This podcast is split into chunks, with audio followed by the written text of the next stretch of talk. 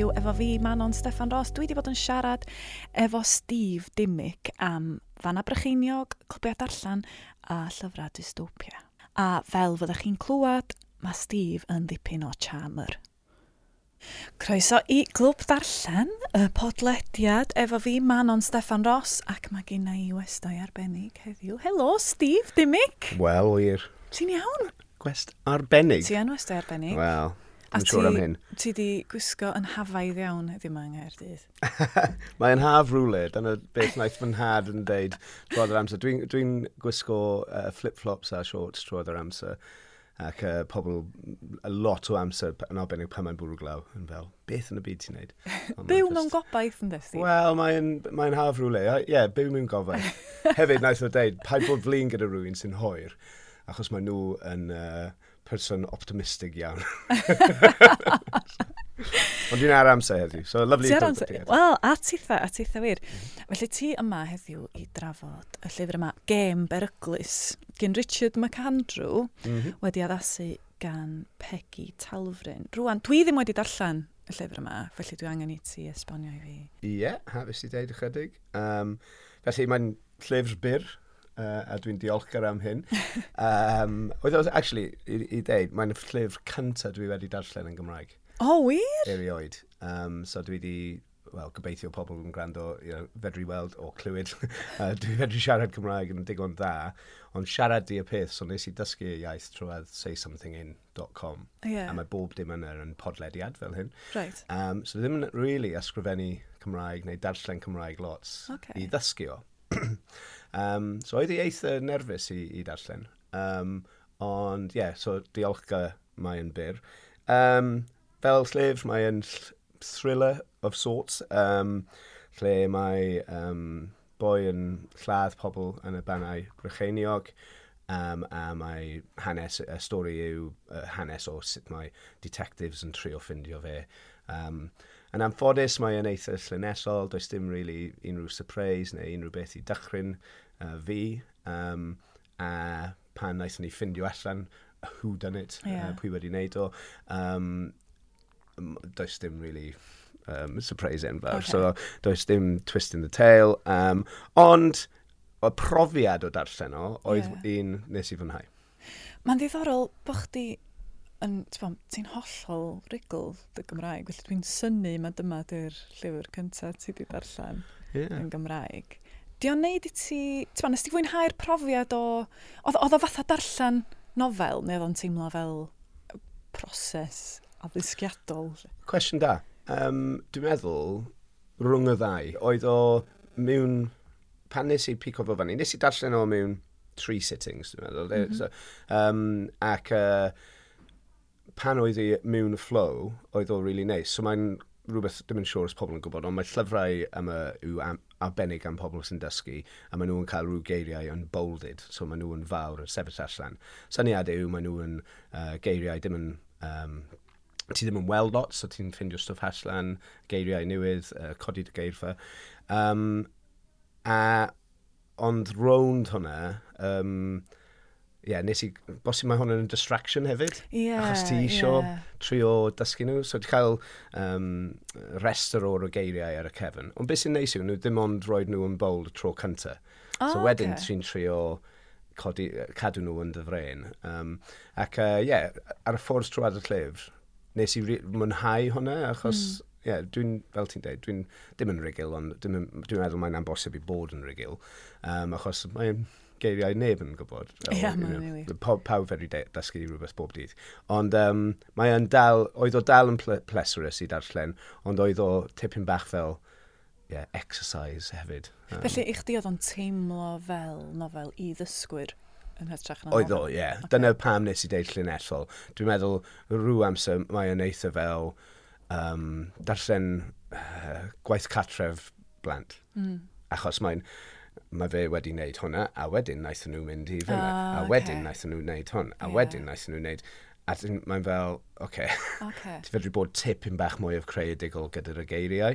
Um, so, ond mae hwnna ddim yn really tynnu, a dyna a fel arfer dwi'n hoffi llyfrau gyda lle mae chron chronology di yna, lle mae pethau yn you know, digwydd mewn, mewn yr amser mae yn... Right. Uh, dyna'r syniad, ti'n teimlo y progress trwy trwy'r llyfr. Yeah. Ond um, achos mae yn symleiddio pethau, mm bosib ti'n colli tipyn bach o uh, yr ochr creadigol, a dwi'n hoffi mm. geiriau lle mae, oh, neu brawddegau lle mae'n just wneud rhywbeth yn dy galon. Yeah. Mae'n teimlo fel mail yn, yn dy fus bysedd yeah. pan ti'n darllen o.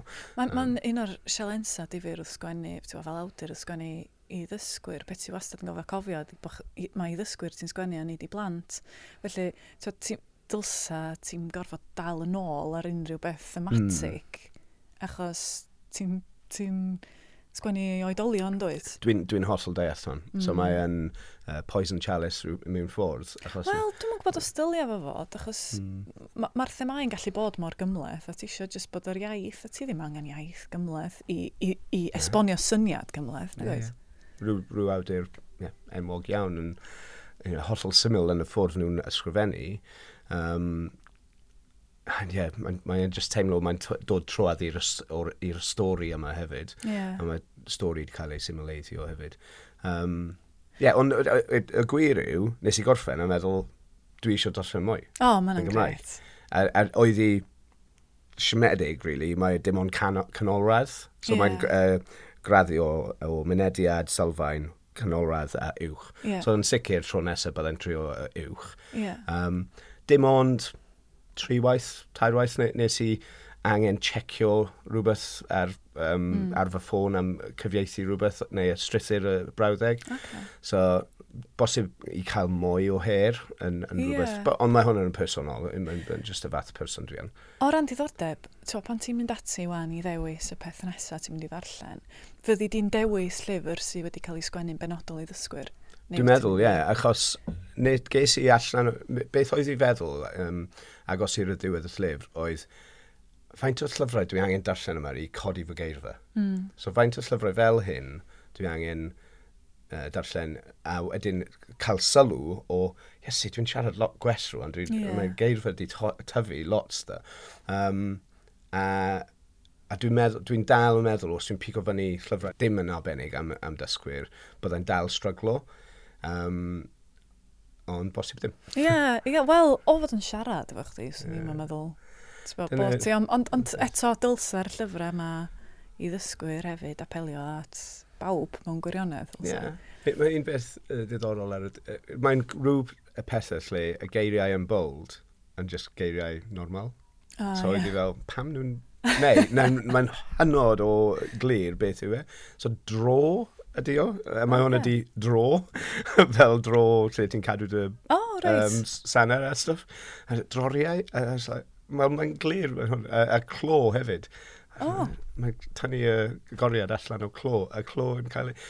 So just, mae, beth mae gen i diddordeb mewn yw pam o sut nhw'n dewis y geiriau. Yeah, yeah, yeah. Un, un really diddorol i fi oedd um, cloc oeth dyrnod. Right. Ti'n gwybod beth di hwn? Dim syniad. Yeah. Grandfather Clock. Ti wedi oh, clywed yeah. am oer erioed? Ti clywed yna. So, apparently, oh, mae'n achos, ti ddim ond angen wyndio fo fyny uh, unwaith yr oethnos. O, oh, mae'n anhyfryd. so mae'n mae galw o oeth, cloc oeth. Ond neb dwi wedi siarad gyda di clywed o yn Gymraeg fel hyn, ie? Yeah? Mae'n just grandfather clock neu cloc tide, bosib. Wel, ie, dwi wedi clywed clock tide. Ah, dyma ni, oce. Okay. Um, Na, so, oedd hi'n really cyffroes pan nes i darllen nhw, achos nes i feddwl, o, oh, maen nhw'n you know, really diddorol, mae'n rhywbeth cool Cymraeg. Na, actually, mae'n just achos ti. Neb yn mynd i ddall beth yn dweud. Um, achos mae addasiad um, ydy hwn, ti'n dweud mae wedi leoli yn, yn y banna yn fanna Brycheiniog. Mm. Dwi'n yn gwybod efo'r gwreiddiol os oedd wedi lleoli fanna, neu os ydy Becky Talfrin wedi newid o, ond ydy o'n teimlo fel nofel Cymreig? Yn hollol, ie. Yeah. So, naeth, nes i tyfu fyny ym uh, Blaen y Gwent, so Ban y Brycheiniog ddim yn bell o gwbl o, o, o fi, um, ac wrth gwrs yma'n gael dydd, mae'n dwi'n sal gyda lluniau o pobl sy'n dringo pen y fan ar, ar Facebook pob, bob dydd mae'n teimlo fel rwan.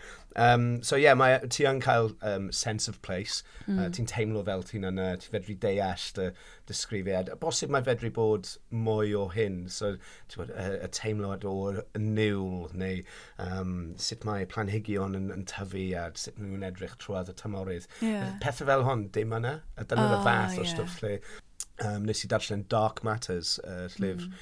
um, uh, yn diweddra. Uh, mae hwnna yn, yn yr Arctig, a mae'n so mae'n dim ond eira, ie? Yeah? yeah. Ond mae ffordd mae hi wedi uh, uh, disgrifio stwff yna mor da. Ti'n mm. really teimlo fel ti'n anna, teimlo oer darllen yeah, y llyfr. Yeah, yeah. Ti'n bod? Um, a dyna beth mae hwnna yn angen, dwi'n meddwl, yeah. yw tipyn bach mwy o hyn lle yn lle o just, o, wnaethon nhw mynd fyny y lôn yma, a mm. lawr y llwybr yna, troi o cornel, mae'n just, okay. Yeah. Um, ti ddim yn really cael, dwi'n meddwl os ti ddim yn gwybod y ben y Brycheiniog, ti ddim yn really deall o, o unrhyw le arall. Yeah. yeah.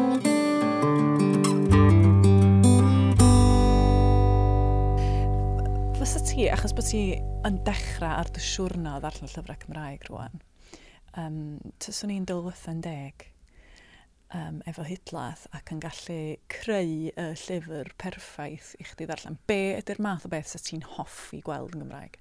Math o lyfr? Um, Wel, dwi'n hoffi, uh, fel nes i dweud, stwff yn, uh, yn trefn. Um, so, da ni siarad am llyfrau arall, dwi'n siŵr. Ond um, rhywbeth uh, lle mae yn defnyddio sgorsau, so pobl mm. yn siarad.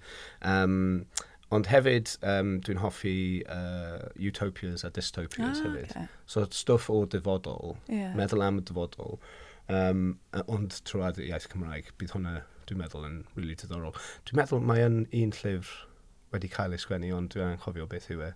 Um, mae'n un enwog Cymraeg. Ie, yeah, mae wythnos yng Nghymru fydd, A Dyna ni, ie, ie.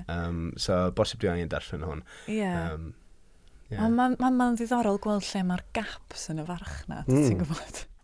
Achos y peth ydy, dwi'n cofio... Ti'n just defnyddio i ohoni. Wel, ia, ia. Mae'n. Na i just cymryd nodiadau fel ti'n siarad a just trio llenwi'r cwcha. Ond mae'n ddiddorol, um, ti'n yda ni'n, yda ni fel awduron yn, yn trio sgwennu i rywun penodol ac yda ni'n sgwennu i ddysgwyr, neu oes gen ni ddarllenydd yn yn penna. Achos dwi byth, pan dwi'n sgwennu, dwi byth yn meddwl, o dyma pwy di'n arllenydd i. Ond alla, yn fy is yn wybod, mod i'n mm. sgwennu i ryw fath o berson. A mae jyst ddiddorol dod allan o hynna mewn, wel, mae unrhyw berson yn gallu penderfynu dysgu mm -hmm. Cymraeg. Mae yeah. ti angen harlwy i bawb yn dweud.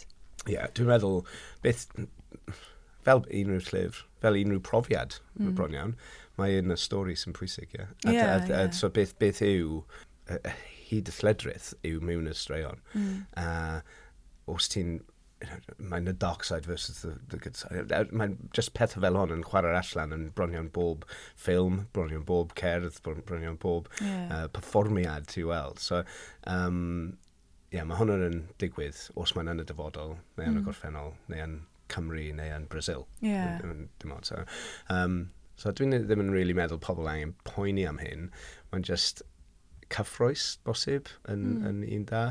Um, Ethyn ni darllen Stoner gan John, John Williams, blwyddyn yn ôl, a, a un arall, um, Magnus Mills ac uh, The Restraint of Beasts.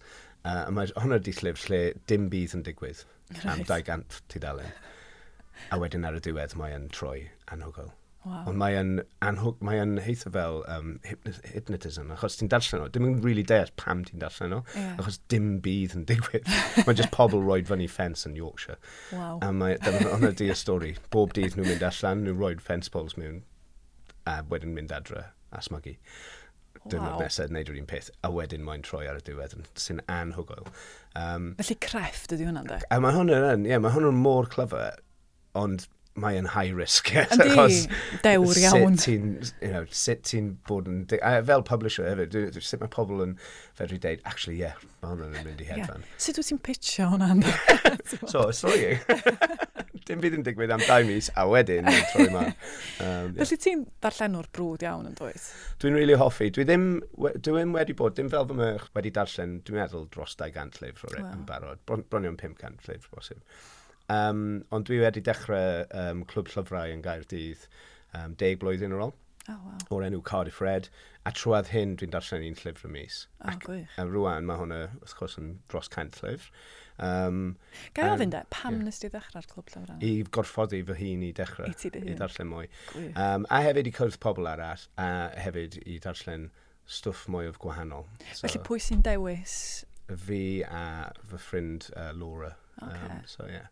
Ac ar basa, da chi'n trio cael pethau gwahanol? Ie, yeah, so mae yn, neu cael reolau, so mae angen bod dan 350 tudalen, mae angen bod ar gael um, bron iawn i unrhyw le hmm. yn, mm. um, uh, yn paperback, ideal, os bosib, llai na 10 pint. Mm.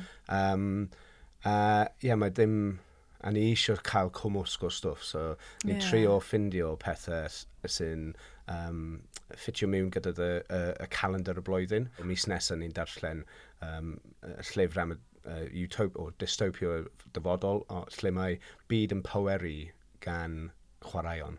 So pan pobl yn chwarae chwaraeon, maen nhw'n creu'r egni i creu el trydan. Um, heblaw yn Gymru. Oh. So Cymru di'r unig lle yn y byd lle maen nhw ddim yn mynd dros i'r uh, automate yn Battlefield. Um, Evo, gan oh. boi o'r enw uh, Michael Aylwyn, So mae fe'n... Um, uh, oh, gair newydd. Um, gohebwyr i'r oh. uh, Guardian. Nes i dysgu y gair gohebwyr troedd y lliw. Ac wrth gwrs mae'n cwpan y byd rygbi yn dod yeah. fyny. So mae hwnna'n yn taio mewn. Rhywbeth o'r arall ni'n dywys achos mae'n ffilm yn dod allan oh, a mae'n fersiwn o'r llyfr, so pobl yn hoffi darllen y llyfr cyn mynd i weld y ffilm. Um, a wedyn mae'n just cwmwsg o stwff, so rhagfyr, da ni'n neud graphic novel o'r oh, enw Blankets. So, uh, wedi neud cyddoriau, uh, cyrdd yn y, yn y gorffennol, short stories, beth bynnag yw e, uh, biogef, uh, unrhyw beth fedri gweithio. Mae'n ddiddorol bod chdi wedi mynd ati i sefydlu'r clwb darllen yma. Pam bod o mor bwysig bod ti'n darllen? Dwi just, dwi'n meddwl mae'n y peth mwyaf pwysig ti fedri wneud. Ie. Yeah. Um, achos mae'n pobl yn dy llais a siarad gyda pobl yw sut ni'n cyfathrebu. Yeah. Os ti'n cael geirfa a ti'n cyfwrthus gyda dy geirfa, mae hwn yn wneud ti lot mwy o um, cyfwrthus siarad gyda pobl. Yeah. A ti'n fedru siarad yn unrhyw sefyllfa. Yeah. So ti'n fedru siarad gyda unrhyw fath o person. Um, a dwi just hefyd yn meddwl mae'n agor o dyslygaid i syniadau eraill o dros y byd, really. So, ti fedru... Dwi'n dwi meddwl dwi'n da am bod diplomateg yeah. achos o darllen. Yeah. So, dwi'n da am roed fy hun yn sgidiau pobl eraill. Mm. Achos dwi'n fedru meddwl am ochr stori yeah. nhw. Fel perspektif rhywun yeah, arall. Perspektif pobl arall. Um, a dyna dwi'n cael trwy'r darllen, dwi'n meddwl. Um, o, lle nath yna ddechrau ta? Wyt ti'n cofio pan oedd ti'n blentyn neu berson ifanc bod, bod, bod tybod, bod chdi wedi dechrau darllen rhyw lyfr arbennig a bod yna rhywbeth wedi taro deuddeg yn arbennig efo ti? Um, Dwi'n cofio'r llyfr cyntaf nes i darllen o, pam nes i darllen o, oedd hwnna Fantastic Mr Fox ah. uh, gan Roald Dahl, achos oeddwn ni'n neud o fel Christmas play, uh, right. nes i gwybod mae Sam Bridgman mynd i bod Mrs Fox, a uh, nes i feddwl, os dwi'n um, os dwi'n darllen y llyfr a deall o, dwi fedru bod Mr Fox, a oedd i buns neu rhywbeth. um, so, Ond mae Sam Bridgman wedi rhoi llyfrau ti, so anhygoel, diolch well, Sam Bridgman. um, yeah. Ond wedyn nes i ddim yn really darllen gymaint, so tyfu fyny yn blaen y gwed, darllen llyfrau ddim yn really peth cool i wneud fel mm. bachgen. Um, a nes i fwynhau chwarae on, a hefyd jyst chwarae allan yn y mynyddoedd a afonydd yn stwff lle nes i byw. Um, ond wedyn ie, yeah, yn prifysgol nes i darllen, dechrau darllen mwy. Um, uh, yeah. Wyt ti wedi cael moment yn dy fywyd lle ti'n meddwl, o, dwi wedi ffeindio nofel neu um, nofelydd sydd yn sgwennu i fi am y mywyd i hmm. ym ymhobol i. So, dwi wedi cael yr fatha breakthrough uh, oh, moment. So, um, Rape of a Fair Country. Ah, yeah. No, oedd hwnna achos Nantaglo yw y uh, yeah. um, epicenter o'r llyfr yna ac um, dyna'r lles i'r ysgol. Um, a, a, a, a mae hwnna wedi un o cyfres, pobl ddim yn gwybod hwn, ond mae'n oh, tri llyfr arall yn, yn y cyfres. A rwan maen nhw'n cael, ti fedru mynd am dro ar llwyber arbennig, ti'n gwybod, i dilyn um, darnau uh, y straeon. Dwi'n cofio hefyd, mae Iestyn Mortimer yw y boi yn y yeah. llyfr. Um, ond oedd hwnna really agor fy llygaid am, man bach, stwff pobl wedi mynd trwedd. Wrth gwrs, mae'n ffiglen, Um, ond oh, mae'n just anhygol i, i, i ddarllen a just meddwl am y byw yn y amser yna yeah. o'r cymoedd oedd i mewn a cymeru hon i, i, i lle ni yn rwan gyda, gyda y bywyd ni rwan. Wyt ti'n teimlo bod rhywun, rhyw nofelydd neu rhyw nofel yn sgwennu am y math o fywyd ti'n byw rwan? Wyt ti'n gweld rhywun yn... Um, Cwestiwn da. Uh, na, dim, dim really. Dwi, dwi ddim yn... Hwna'n cwestiwn da. Um, Alla bod ni ddim isio darllen am y math o fywyd. Da ni'n byw chwaith, ti'n gwybod? yeah, so... Dwi, mae un, uh, un asgam nes i darllen The Best a Man Can Get, David Nichols. Ydy, yeah. So mae, dim yn siŵr mae fe wedi ysgrifennu, ond on mae yn o'r dyn sy'n gweithio, you know, uh, gweithio o'r yn Llundain, um, mae'n just byw bywyd uh, gormod. Um, okay. Oedd hwnna'n yn agos. Ond, um, yeah, dwi'n meddwl, beth dwi'n ffindio diddorol yw stwff o'r gorffennol sy'n dangos ei hun rwan. So mae pobl yn meddwl am y dyfodol, yeah. a uh, rwan ni'n weld o digwydd. So un, un o'r llyfr dwi'n really eisiau siarad o awgrymu i pobl yw Flowers for Algernon. Um, oh, okay. A mae hwnna yw llyfr lle mae boi gyda uh, trafferth meddwl. Right. A mae'n fe yn cytuno i mynd ar program lle maen nhw yn rhoi um, llawdriniaeth ar ei brain. Ac uh, a wedyn mae effaith yw mae'n gwella. A mae'n gwella. A mae'n gwella. Right. Ac yn sydyn mae'n mwy, mwy clyfar na doctors oh. wedi helpu fo. A mae'n mwy clyfar eto. A mae'n cadw mynd. A cadw mynd. Oh, a wedyn mae twist yn y, y y peth, y llyfr yna, yn just anhygoel beth sy'n diddorol yw, mae'n dechrau fel um, dyddiadur. So mae fe'n ysgrifennu report, a mae dim fedru sgwennu, so mae bron iawn am bosib i darllen ar y dechrau. Mae'n mm. just phonetics. So mae, a wedyn, mae, so mae text yn gwella, right. trwad y peth, achos mae fe yn sydyn fedru um, sillafu, a wedyn mae'n dechrau da darllen mwy o'r llyfrau, so mae geiriau yn dechrau bod mwy o um, uh, melus a neis a clyfar hefyd, a, a, ac yn syd, a, a, so mae ti'n teimlo fel ti'n gyda fe trwy y holl peth, o oh god, dwi'n cael goosebumps nawr, dwi'n siarad am nhw. Mae'n mae cael gymaint o effaith, a, a, a naeth o taro fi fel tren pan nes i darllen y twist. Mae'n just brilliant. O, Oh, but I um, copi. Ie, yeah, mae mae hwnna, a naeth o cael ysgrifennu, sori, just yn gyflym, yn uh, naw, uh, 1959, dwi'n meddwl. Oh. 60 blwyddyn ymlaen, mae rwan Google yn gweithio ar brain implants a pethau fel hon, ie. So, a mae'n just fel, o, oh, mae'n bach. Yeah. Mae'n literally fel, naeth, naeth y boi yma wedi weld y dyfodol. Mae hynna mor um, ddychrynllid efo hyn o fel a fel a, lle ti'n meddwl, o, oh, mae'n bach. Mae yna lot o hyn wedi dod yn wir, ac ti'n yeah. Mm. dystopia oedd o'n de. Mm -hmm. Ti'n Ie, ie. Yeah, yeah. Felly, um, beth sy'n nesaf? Pa, pa lyfr Cymraeg sydd gen ti well, nesaf? Um, rhyw pobl yn siarad am rhyw peth llyfr glas neu bod yn... O, oh, dwi'n ddim yn bodros. Ie, yeah, bosib gael hwn. ond ond dwi'n agor am, am awgrymiad. Ges i un o'r enw Scoop. O, oh, ie. Yeah. Cwbl o blwyddyn yn ôl gan fy chwaer mewn uh, cyfres. Ac oedd hwnna fath o enghraifft lle nes i agor o, dynod dolyg, mm. darllen, trio darllen, tudalen cynta, a jyst meddwl, yes, mae hwn yn mynd i cymryd mis yeah, i darllen. Yeah. Gwod, gyda Google Translate nesaf fi, a yeah. mae'n rhi, rhi canodd. Bosib mynd nôl i trio hon. Um, ond, ie, yeah, dwi'n ago um, am awgrymiad, os pobl yn gwrando at the dimic ar Twitter, ac uh, gyrru neges i fi, um, mwy na hapus i. Beth ti'n awgrymu i fi? Wel, unrhyw beth gen Manon Steffan Ross, yn amlwg. available. Steve Dimmick, mae wedi bod yn bleser o'r mwyaf. Diolch yn fawr i ti. Diolch. Diolch.